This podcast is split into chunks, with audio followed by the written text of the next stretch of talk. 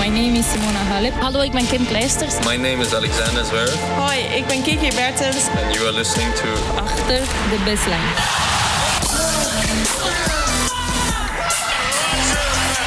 Your champion, Novak Djokovic. Dit is Achter de Baseline. Vanuit Flushing Meadows. Met Abe Kuil en David Avakian. Het is een natte dag geweest vandaag op de US Open. En er is alleen gespeeld in de stadions. David, heb jij vandaag je paraplu nodig gehad? Nee, nee ik ben eh, mooi in de stadions gebleven. Ook onder het dak van Arthur Ashe Stadium geweest vooralsnog. Dus eh, ik ben droog. Jij bent droog. Ja, het is natuurlijk eh, een luxe tegenwoordig dat de US Open voor het tweede jaar nu twee stadions ter beschikking heeft met een dak. Maar goed, het is dus een, een, een verregende sessie geweest voor, eh, voor de mensen daar. Hoe was de sfeer op het tennispark vandaag als er dan zo'n, ja, toch zo'n, zo'n eh, ja, niet wordt gespeeld natuurlijk verder? Was het, was het druk? Was, was er eh, irritatie? Hoe, hoe was het allemaal? Nou, ik, ik heb er niet zo heel veel van meegekregen. Want ja, als het regent, dan, dan blijf ik graag, binnen. en ik ben bezig geweest met wat interviews. En dus ik, ik manoeuvreerde een beetje tussen ja, de broadcast eh, compound, zoals dat heet, en, eh, en Arthur Ashe. Dus ik heb niet heel veel van buiten meegekregen. Maar ja, de teleurstelling is natuurlijk eh, enorm. Die luxe die jij aankaart is is natuurlijk een luxe voor bepaalde mensen. Eh, voor de mensen die tickets in die stadions hebben gekocht. Dus Ash en, ehm, en Armstrong. En voor de spelers die daarin spelen. Maar verder is het natuurlijk... ehm, ja, ik wil niet zeggen competitievervalsing. Maar het, het is wel iets, iets, iets natuurlijk wat, wat alleen voor een aantal mensen weggelegd is. Dus dat is, Was het nou eh, verwacht dat het, eh, was het nou verwacht dat het vandaag de hele dag nat zou zijn? Want het is natuurlijk weer zoals het altijd gaat. Als het bij een toernooi regent, dan de organisatie brengt steeds naar buiten. No play before zo laat. En dan Ja. schuift het weer een half uurtje op of een uurtje op. Er was op een gegeven moment ineens een, een, een verschuiving van twee uur. Dat is vrij uitzonderlijk. Dat ze ineens al zeggen van komende twee uur wordt er niet, eh, niet getennist. En daarin was het ook nog even droog, hè? Zeker. En op het moment dat ik de bus instapte. En, want ik, ik verblijf in Manhattan en dit is natuurlijk Queens. Toen ik de bus instapte, dacht ik, waar heeft iedereen het over? Want ik las natuurlijk al op Twitter eh, regen en eh, ellende vandaag. Maar ja, het was eh, hartstikke mooi weer toen ik het hotel uitstapte en de bus inreed. Die bus is trouwens een heel geval apart. Het duurt van een half uur tot anderhalf uur voordat je hier bent. Want ja, het verkeer is Dat ken ik zelf nog, ja. ja. dat is zo onvoorspelbaar. Dus af en toe dan, dan trek je je haar uit je hoofd van eh, ik, ik kom te laat. Of eh, je gaat bewust een hele vroege bus nemen. Eh, en dan zie je zomaar weer dat het in dat geval ben je er binnen een half uurtje. Dus het, het is ontzettend eh, onvoorspelbaar. En het meest frustrerende daaraan is nog dat dan kom je redelijk snel op Queens. En dan zie je Arthur Ashe Stadium. En dan sta je gewoon eh, een half uur nog in de file voor de mensen die het park op willen gaan. Dus dan, dan zie je het gewoon voor je neus, maar je kan er gewoon niks mee. Nou, jij beschrijft jouw frustraties, maar het is natuurlijk ook een, eh, een reden waarom dit Grand Slam toernooi voor de tennissers lastig is. Hè? De meesten zitten toch op Manhattan, of althans dat was in het verleden zo volgens mij nog Ja, steeds een nog groot, steeds, eh, absoluut. Ja. hè, een groot deelnemersveld, of een groot deel van het deelnemersveld dat daar zit. Dus ja, dat is toch een soort uitputtende factor ook. En een irritatiefactor natuurlijk van spelers. Dat ze zelf niet hun schema tot in de minuut kunnen aansturen. Zoals bijvoorbeeld bij de Australian Open. Waar je letterlijk naar het, naar het park kunt lopen als je wil. Vanaf, Ja. Vanuit het centrum. Ehm, ja, dus dat is ook een, een- een, een detail waar, waarom veel spelers zeggen... De US Ja. Open vinden we dat toch iets minder aangenaam. Nou, sterker nog, je zegt spelers, maar alle officials, lijnrechters en iedereen die niet eens speelt, die staat, zit ook in Manhattan en die maken gebruik van dezelfde bussen. Alleen, ehm, ja, volgens mij zijn het alleen de geplaatste spelers of spelers die ervoor betalen misschien, weet ik niet, die een eigen auto ter beschikking hebben. Eh, oh, voor de rest zitten ze gewoon in de bus met, eh, met ons journalisten. Ik zit, ik zit elke dag wel met een aantal spelers in de bus. Dus het, het is maar voor weinigen weggelegd. Maar ook die spelers die een eigen auto hebben, staan ook gewoon in diezelfde file.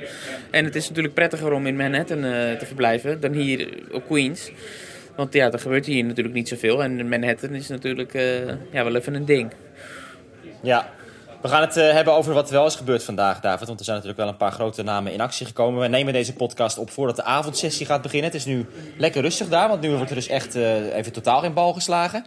Ehm, de dagsessiepartijen die gingen vrij snel. Roger Federer had het weer lastig. Laten we daar maar mee beginnen, David. Dat was toch de, de prominente wedstrijd van, eh, van de dagsessie. Federer die voor de tweede partij op rij de openingsset verloor. Nu tegen Damir Zumhoer. En het was echt, ja, Federer die, die, die aan het zoeken was. Hè. De benen zaten op slot, er was nauwelijks voetenwerk, veel onnodige fouten. Ehm, en toen vervolgens weer stapsgewijs ging het beter met de Zwitser. En kon hij toch weer sets 2, 3 en 4 redelijk comfortabel winnen. Net als in zijn eh, vorige partij tegen Sumit Nagal.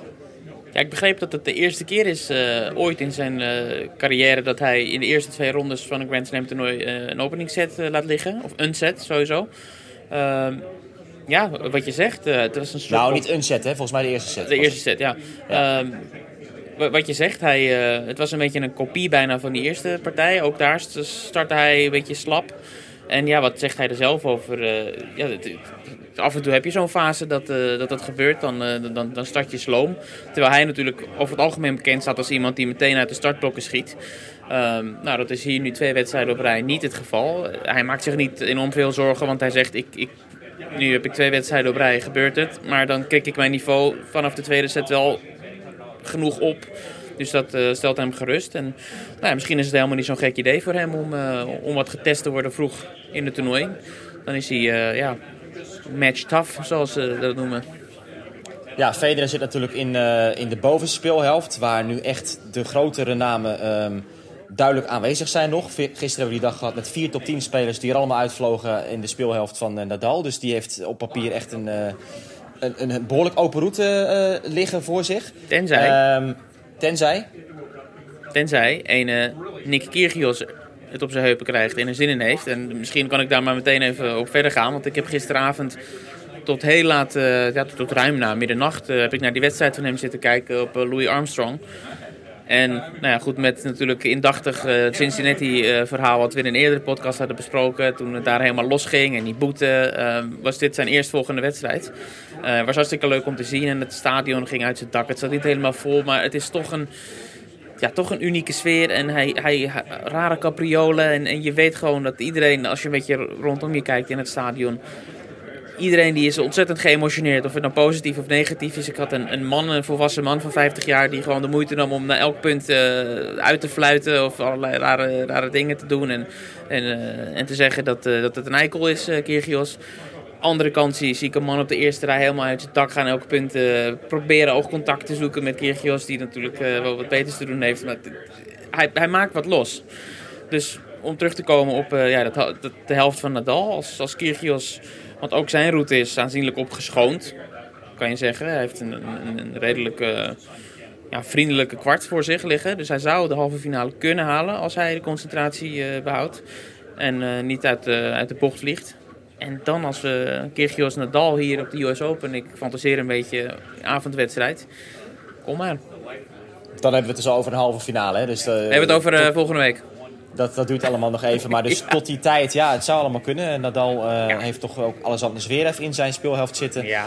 Maar goed, of we daar eh serieus rekening mee moeten houden. Nee. Misschien juist wel, omdat nu dat niemand dat meer doet, dat dat, eh, dat, dat wel zo is. Maar ja, het heeft er niet echt veel schijn van dat sfeer een serieuze factor zal zijn bij dit toernooi. Ik wil nog even doorgaan op Kyrgios, David. Ja, want weinig mensen zullen dat gezien hebben. Het was een, een nachtwedstrijd natuurlijk. Ehm, hij had het aan de stok met zijn tegenstander ook even, Steve Johnson. Die heeft hem ook eh, tijdens de wedstrijd een beetje opgezocht. Hè? En de, dingen tegen hem geroepen. Wat, eh, wat was daar precies aan de hand? Hij zei, eh, stel je nou niet zo aanstoppen met dat, eh, met dat gekke gedoe en ga gewoon tennissen. Maar het grappige was dat, dat Kyrgios en in het interview vooraf en achteraf in het baaninterview nadat hij won, maar steeds bleef zeggen, Stevie is, is one of my best mates. zei hij, is een van mijn beste vrienden in de kleedkamer. daar die indruk kreeg ik niet eh, van de andere kant, zeg maar. Maar ja, hij zal, eh, ja, ik weet het niet. Dus dat was eh, nog een opvallend moment. En ja, rondom Kyrgios is er natuurlijk van alles weer gaande. Ook gisteren persconferentie na die wedstrijd. Ja, Precies, ja. noemde hij, eh, nou, hij werd geconfronteerd met die boete, uiteraard. En ja, 113.000 dollar. 113.000 boete in Cincinnati dollar, ja. Voor allerlei Ja. overtredingen. ja. en toen, toen ging hij over eh, ja, op, op een, een aanval open eigenlijk op de ATP en noemde het een, een corrupte organisatie. Ehm, waarna de ATP heeft aangekondigd daar een soort onderzoek naar in te gaan stellen en daar eh, ja, gevolgen aan te verbinden. Dus die schorsing waarvan wij eerder zeiden, ehm, ja, waar blijft die? Ja, die gaat er nu misschien dan wel aankomen. Maar het is vreemd dat het dus gaat komen nadat hij de ATP beledigt en niet nadat hij eh, die umpire eerder, eh, Fergus Murphy in Cincinnati, bejegende. Nou, en het is natuurlijk wel opvallend nog dat Kyrgios eh, vandaag op social media zelf een lang bericht heeft geplaatst. Om even te zeggen, ja, ik heb gezegd corrupt, maar dat was een beetje een verkeerd woord wat ik gebruikte. Ik, ik bedoelde eigenlijk dat er met dubbele standaarden wordt gemeten. Als ik iets doe, dan ben ik altijd de pineut. Terwijl andere spelers wegkomen met, eh, met allerlei zaken. En ehm, dat, was dus, eh, dat is nog steeds een issue dat ik heb, zegt Kyrgios. Dat is eh, mijn gevoel. En dat is dus eigenlijk wat ik bedoelde toen ik die Ja. opmerking maakte. Ja, andere spelers die doen natuurlijk ook regelmatig dat ze in één wedstrijd de scheidsrechter uitschelden, flesjes naar de scheidsrechter gooien en, eh, en spugen in de richting van diezelfde scheidsrechter. Dus het is heel vreemd inderdaad dat die mensen allemaal niet gepakt worden. Dus ja, weet je, tot op zekere hoogte kan ik wel begrijpen wat hij steeds zegt. Maar anderzijds, de dingen die hij doet en zegt zijn, zijn echt wel uniek. Laten we Ja, eerlijk precies. Ja, zijn. je bent er een beetje cynisch over. Maar het is natuurlijk inderdaad eh, om, niet te vergelijken met eh, de dingen die hij doet eh, met andere zaken. Ik, ik, goed, een Tsitsipas gisteren bijvoorbeeld, ja, weet je, die, die roept een umpire een weirdo. Maar ja, dat is, dat is gewoon een beetje, dat is grappig eigenlijk. En het, dat is geen schelden en er zit geen venijnige rand aan of zo verder. En dat is natuurlijk met Kyrgios vaak wel zo. En ook gisteren na afloop dat hij, wat was dat nou voor iets raars? Dat hij zijn handdoek even helemaal dat hij heel zijn lichaam afsmeert en, en in die handdoek spuugt en, en dan gooit hij met het publiek in. Dat, dat zijn toch allemaal rare acties? Dat, dat, Oh, dat heb ik niet? gemist. Oh, Ik heb wel gezien hoe Stevie Johnson eh, ja, allerlei troep uit zijn tas haalde en dat gewoon midden op de baan gooide. Dus ik, eh ik naar nee, want het, het was na afloop en de mensen die, eh, die wilden natuurlijk alle spullen van Kyrgios hebben. En eh, Ja. ja. hij pakt dus echt die handdoek en hij smeert zijn oksels even lekker ermee af en haalt hem onder zijn kruis door. En, en hij spuugt er nog even in en dan gooit hij die handdoek aan die mensen toe. Ja, Ja, je, je, je kan erom lachen, maar het is natuurlijk een, actie. Waar slaat het op? Hè? Dat is toch... Nou ja, ik had het gemist en ik, ik, ik, ja, ik verbaas me erover. Dat, en die mensen die namen die handdoek dan netjes in ontvangst en eh, die, die waren er heel blij mee. Ja, dat kon je niet meer zien, maar Oh, dat, eh, op de beelden die ik heb gezien. Maar goed, ja, het is, het is een... een eh, als we het over een weirdo hebben, hè David, om, de, om die cirkel Ja, even rond te maken, te dan, ja.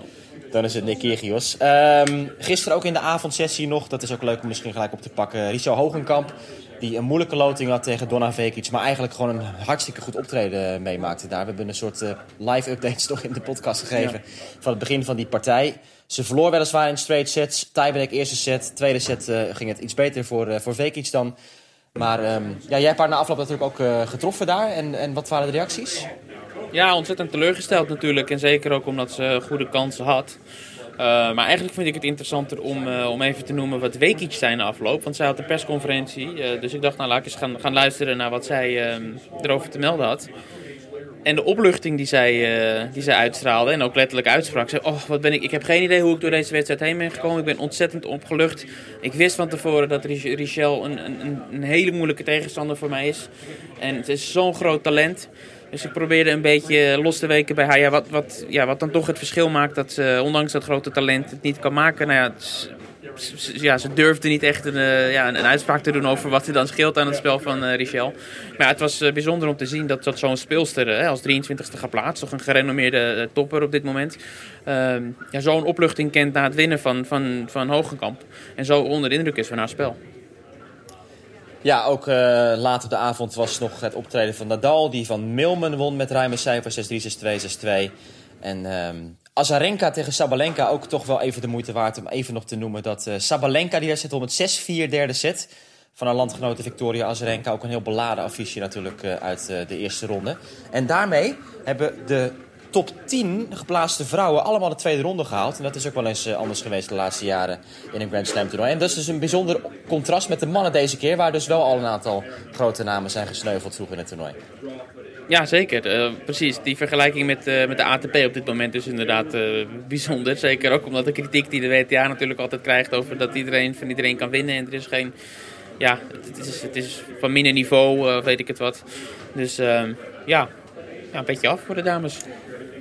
Een partij van vandaag die wij hadden willen zien in het Arthur Ashe Stadium, David. Eh, Heel veel mensen hadden die in het Arthur Ashe Stadium willen zien. Het is eh, een beetje ongelukkig gepland ook. Stond rechtstreeks tegenover de partij van Roger Federer nota bene in het eh, Louis Armstrong Stadium. Dat was natuurlijk de clash tussen Elina Svitolina en Venus Williams. En net als op Roland Garros dit jaar won Svitolina in straight sets met twee keer 6-4. De nummer 5 geplaatst daarmee weer door. En dat is eh, ja, een knappe zege, vind ik. En volgens mij moeten we toch stilaan weer wat meer gaan kijken naar Svitolina ook. Ja, maar ik, ik heb het volgens mij bij eerdere Grand Slams ook gezegd. En ja, dan, dan, dan werp jij terecht elke keer eh, op dat, dat zij ja, op de Grand Slams toch een beetje eh, achterblijft. Maar ja, ze heeft, ze heeft toch best wel een lading aan kwartfinales en zo behaald. Dus het is, ze geeft zichzelf wel steeds de kans om, om, om toch verder te gaan. En ik denk Nou, ze dat heeft, ze heeft nu al de eerste halve finale gehad, hè, Wimbledon. Ja, En, precies. eh, en, ja. en, en daarvoor waren natuurlijk wat, wat eh, momenten, wat maanden dat ze met, met een blessure kampte. Dus vandaar dat ze ook wat minder op de radar stond dit jaar. Maar ehm, goed, Ja, ja, kwartfinale Australian Open dit jaar, halve finale Wimbledon. En, eh, en nu lijkt ze gewoon weer fit te zijn. En goed, ehm, is het toch een dark horse aan het worden. Ja, zeker. Als, als zij fit is en als zij, zoals ze dat zo goed kan, al die ballen uit alle hoeken en standen... ehm ogenschijnlijk verdedigend, maar toch wel met enige offensieve bedoeling slaat. Ja, ik, ik vind het, eh, als een van de weinigen moet ik erbij zeggen, best een interessante speelster om naar te kijken. Want zij wordt toch vaak een beetje afgeschilderd als een saaie, saaie speelster. En eh, James Live is weer in orde, hè, volgens mij. Want eh, ze zitten weer allemaal bij elkaar in de box. En goed, eh Raymond Sluiter had het leuk verteld in het interview met jou toen Ja. in onze podcast special. Dat toen zij een keer met Kiki moest trainen. Ja, Svitolina die eh, was toen niet zo'n goede trainingspartner voor Kiki. Omdat ze eh, een beetje uh, hommeles had met Gaël. Ja. Maar dat, dat is ook allemaal in het verleden weer. Dus dat gaat ook weer de goede kant op. Heb jij iets van die partij nog gezien trouwens tegen Venus Williams? Want ik zat het commentaar te doen bij Federer, dus ik heb er echt helemaal niks van gezien. Ik heb, er, nou, ik heb niet de hele partij gezien, want ik was dus ook met interviews bezig en met die wedstrijd van, van Federer ook. Ik heb, ik heb gezien dat Venus ontzettend hard stond te vechten om, om, om gewoon bij te blijven. Eén game, eh, de, de, ene laatste game waarin eh, Svitolina tot vijf, zes matchpoints had, eh, maar het steeds niet kon afmaken en Venus maar erin bleef hangen. Ik denk dat die game een kwartier duurde of zoiets. Dus het, het, toonde gewoon de, ja, de wilskracht en de drive die Venus heeft, ook al kon ze het niet afmaken. Een van de leukste wedstrijden van vandaag ehm, op papier was toch ook wel de clash tussen Dimitrov en Choric. Dat is een wedstrijd die niet door is gegaan. Borna Choric is echt, heeft heel veel moeite om fit te blijven dit jaar. Hij moest nu opgeven met een rugblessure, een walkover.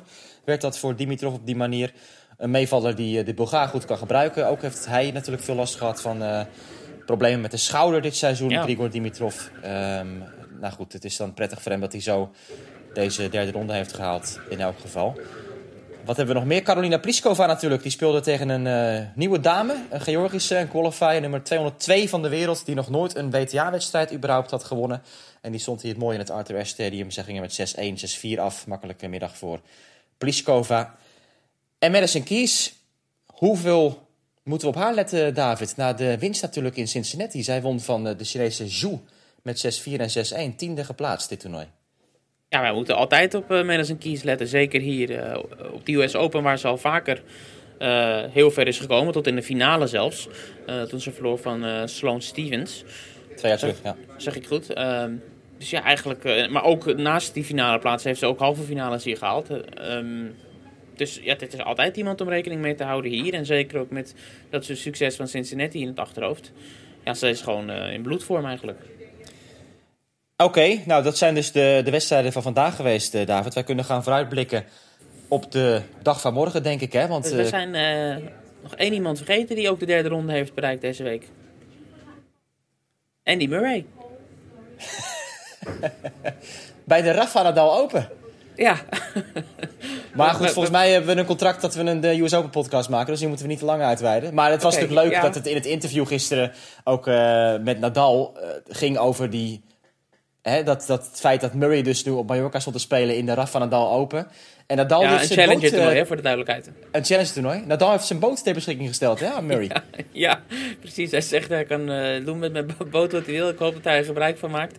Maar ja, het is natuurlijk hartstikke eh, bizar eigenlijk om, om tijdens zo'n US Open te zien dat de voormalig kampioen en een van de grootste spelers van de laatste jaren, ja, om die comeback van hem ehm, ja, te maken eigenlijk, zo'n challenger daar speelt op de academy van eh, Nadal.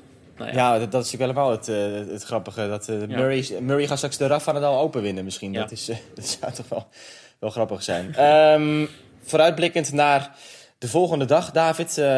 Kiki Bertens tegen Anastasia Pavlyuchenkova. Het wordt een revanchepartij voor Bertens, hopen wij. ja. Zij ehm, moet natuurlijk proberen om te voorkomen dat ze net als bij de Australian Open dit jaar in de tweede ronde gaat verliezen van Pavlyuchenkova. Ik kan me die partij nog goed herinneren. Ik heb toen ook het verslag daarbij gedaan. En in het begin Ja, we zagen eigenlijk alle kanten van Pavlyuchenkova toen op de baan. De, de, de beginfase sloeg ze bijna alles fout en hoefde Bertens weinig te doen. Werd de set binnengehaald door Bertens.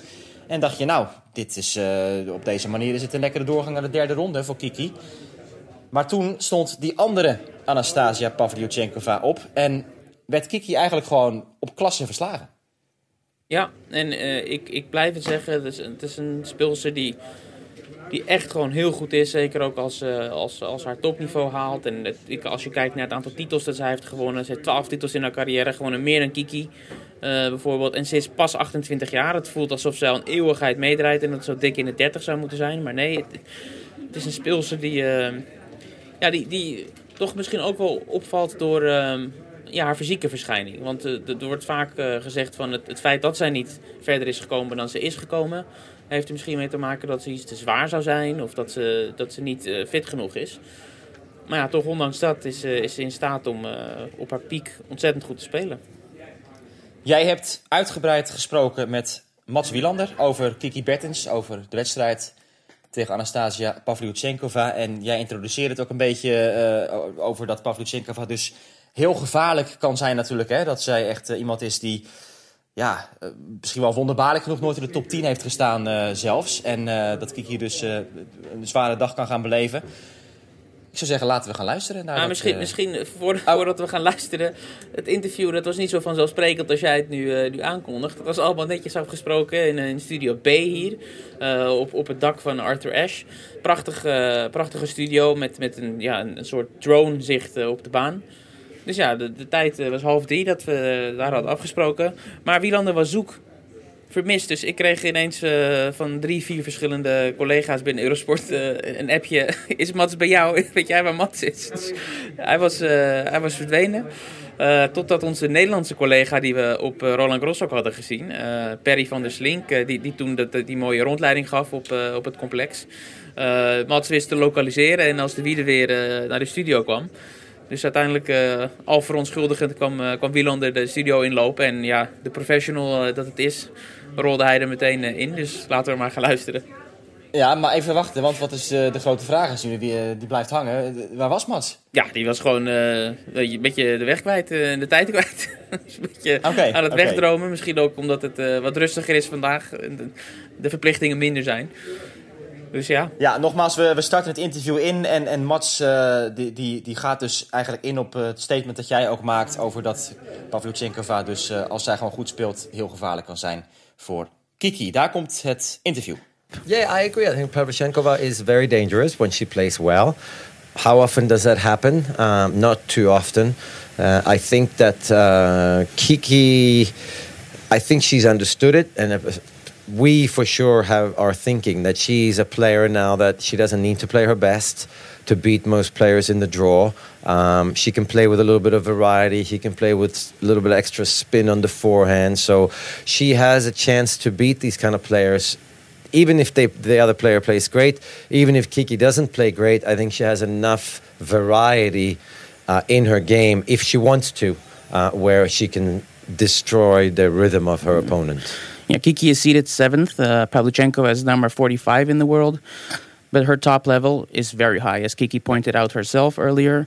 So, what do you do once the match is going in a way where you're under pressure all the time? How do you get out of it? Yeah, I think it's a matter of how do you start that the match. I mean, do you start by by allowing Pavlyuchenkova to to go for her shots, which she usually does, or and do you start uh, sort of feeling how you're feeling yourself, or do you go in and say, okay, you know what, I'm going to try and destroy Pavlyuchenkova's game straight away? So Kiki likes to hit a few drop shots here and there. She can hit the forehand with a little more height sometimes, with a little more spin. She can find angles. And I would say that the best players in the world, um, they feel calm because they know that they have a second, they have a second option. And I think Kiki Burton's is to the point where she should feel that I got a few options here. I'm going to start out with my favorite way of playing tennis.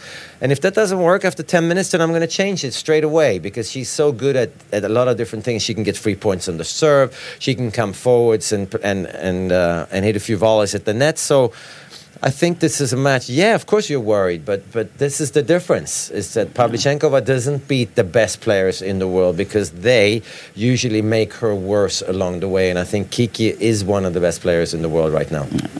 She's been in the top 10 for the entire year now. Yeah. Yet she hasn't been able to quite put it together at the Grand Slams. How do you how do you prepare for a Grand Slam? Well, first of all, you prepare for a Grand Slam by having a really good Grand Slam at some point. And obviously, she made the semifinals of uh, the French Open a few years back, and she was injured, I think. Um, Yes, this yeah. year at the, in Paris. And this yeah. year, she was injured to begin with. She was so sick, she was, yeah. yeah, she No. was one of the big favorites this year. I thought to win it, and she wasn't able to play. So that was a big setback, I think, because that would have given the con- her confidence to then go to Wimbledon and then come to the U.S. Uh, to the U.S. Open, having had a good French Open. Now you, we take that chance away from her, and now she kind of has to start again in the slams. How do you get to that point? Well, you have to be comfortable playing every other day. And when you play every other day, it's very difficult to find rhythm. Every match is a new match. And that's why the best players do so well in the Grand Slams, always, because they are able to reset. Every time they play, they reset and they start from zero. Whereas in a regular tournament, you can play Tuesday, Wednesday, Thursday, Friday, four, five, six days in a row, and you just get on the roll. You warm up for 20 minutes, and then you win a match, and you get confidence. And you warm up for 20 minutes, you win a match. Doesn't happen in the Grand Slams. You have to be able to restart every match, and therefore you have to have a variety in your game. I think Kiki has that. In your playing days, what what was the ideal preparation for you, and what did you do on the days off, for example? There wasn't. There is no ideal preparation, really. I mean, ideal preparation is to win in three sets for us, three out of five sets, and then you have a beautiful day and you're playing, practicing with somebody that you like, practicing with somebody that you know, and you might play a set or two, uh, and you might hit for an hour and a half. Uh, and you're having a lot of confidence, you're having fun that day, uh, but there really, uh, there really isn't an ideal preparation because the matches, it all depends on what time do you play the, the match. The next day, what's the weather like? Is it raining? Do I have to practice indoors? Do I have to drive for 45 minutes to get there? Do I play a left-handed player? Then I have to find a lefty practice partner. Do I play somebody like Pavlyuchenkova who hits the ball really hard? You want to find somebody who hits the ball really hard. Um, so it, that's that's it though. But that's Grand Slam. There are no ideal situations. Every match is a new day. The conditions change drastically from the first day to the third day to the fifth day because that's how you play in a Grand Slam. Maybe hitting with her coach Raymond Sluiter is, is a good preparation for Pavlyuchenkova. I, I would think that Raymond can still hit a very big ball, uh, and uh, yeah, I think it's a relaxed day in many. In many, you have some fun, and if your coach is a good player like like Raymond is, obviously you want to must probably hit with your coach. Finally, much is said always about the energy of this city, New York. Yeah. Some players get energy from it. Other players, like Kiki, it takes energy from them. Absolutely. How, how did you manage uh, the energy of New York? Well, I didn't like it when I was living, um, when I was staying in New York City and playing the tournament. I had a hard time.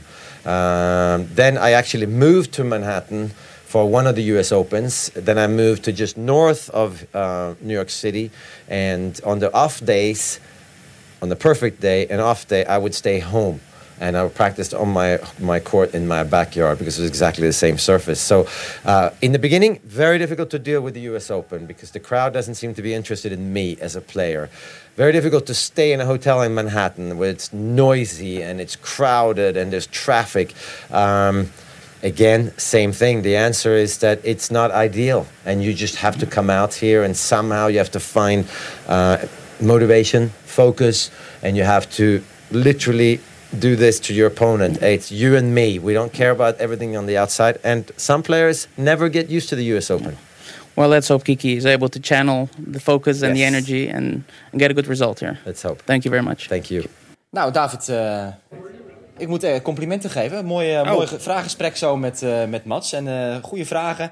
En Mats had ook echt duidelijk ehm, ja, zin erin om, om uitgebreid in te gaan op de materie. Het was, eh, was leuk om allemaal te horen zo. Ook zijn eigen ervaringen natuurlijk. Het eh, hele Manhattan-verhaal kwam ook weer terug. Hè? Hoe Ja. moeilijk het is om als speler daar dus ook mee om te gaan. En goed, al die drukte, hectiek, al die afleidingen.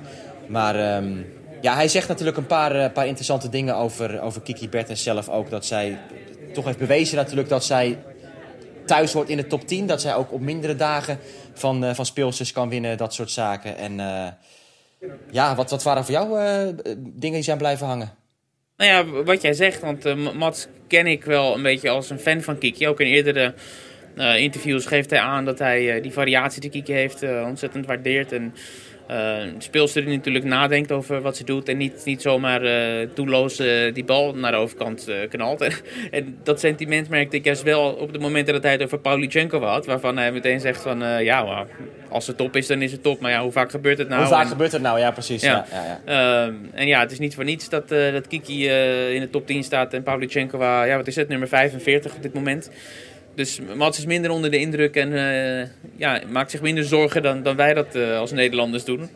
Ehm, dus ja, dat, dat zijn wel de dingen die, eh, die zijn blijven hangen. Wij kunnen niks zeggen over het speelschema, want wij weten nog niet precies hoe laat Kiki geprogrammeerd staat. Maar goed, dat is voor u als luisteraar inmiddels wel duidelijk natuurlijk op het moment van, van luisteren naar deze podcast. Ehm, wat, wat is je verwachting? Wat denk je? Eh, verwachting van? De partij. Oh, gewoon van, van Kiki uh, Pavlyuchenko, ja. Eh, de verwachting van mij of eh, van, van Ja, van jou. Eh, mijn verwachting is dat. ehm, ik heb gezien hoe Kiki speelde in de, in de eerste ronde. Trouwens, ik bedenk me nu dat eh, op de Australian Open speelde Kiki voordat ze tegen Pavlyuchenko speelde. Tegen Alison Risk. Nee, ik, eerste ronde. Ook een speelster die, eh, die op zich een best aardige voorbereiding zou kunnen zijn op zo'n wedstrijd tegen Pavlyuchenko. Nu heeft ze tegen een ander soortige eh, tegenstander gespeeld met Badosa. Ehm, ja, ik, Kiki zou iets anders moeten doen dan wat ze toen in, Australië deed. Kiki zal zelf gewoon eh, het heft in handen moeten nemen en, en ervoor moeten zorgen dat ze zelf niet onder druk staat. Ik weet niet of ik het helemaal eens ben met wat Wielander zegt, ehm, dat, dat ze het op variatie moet doen.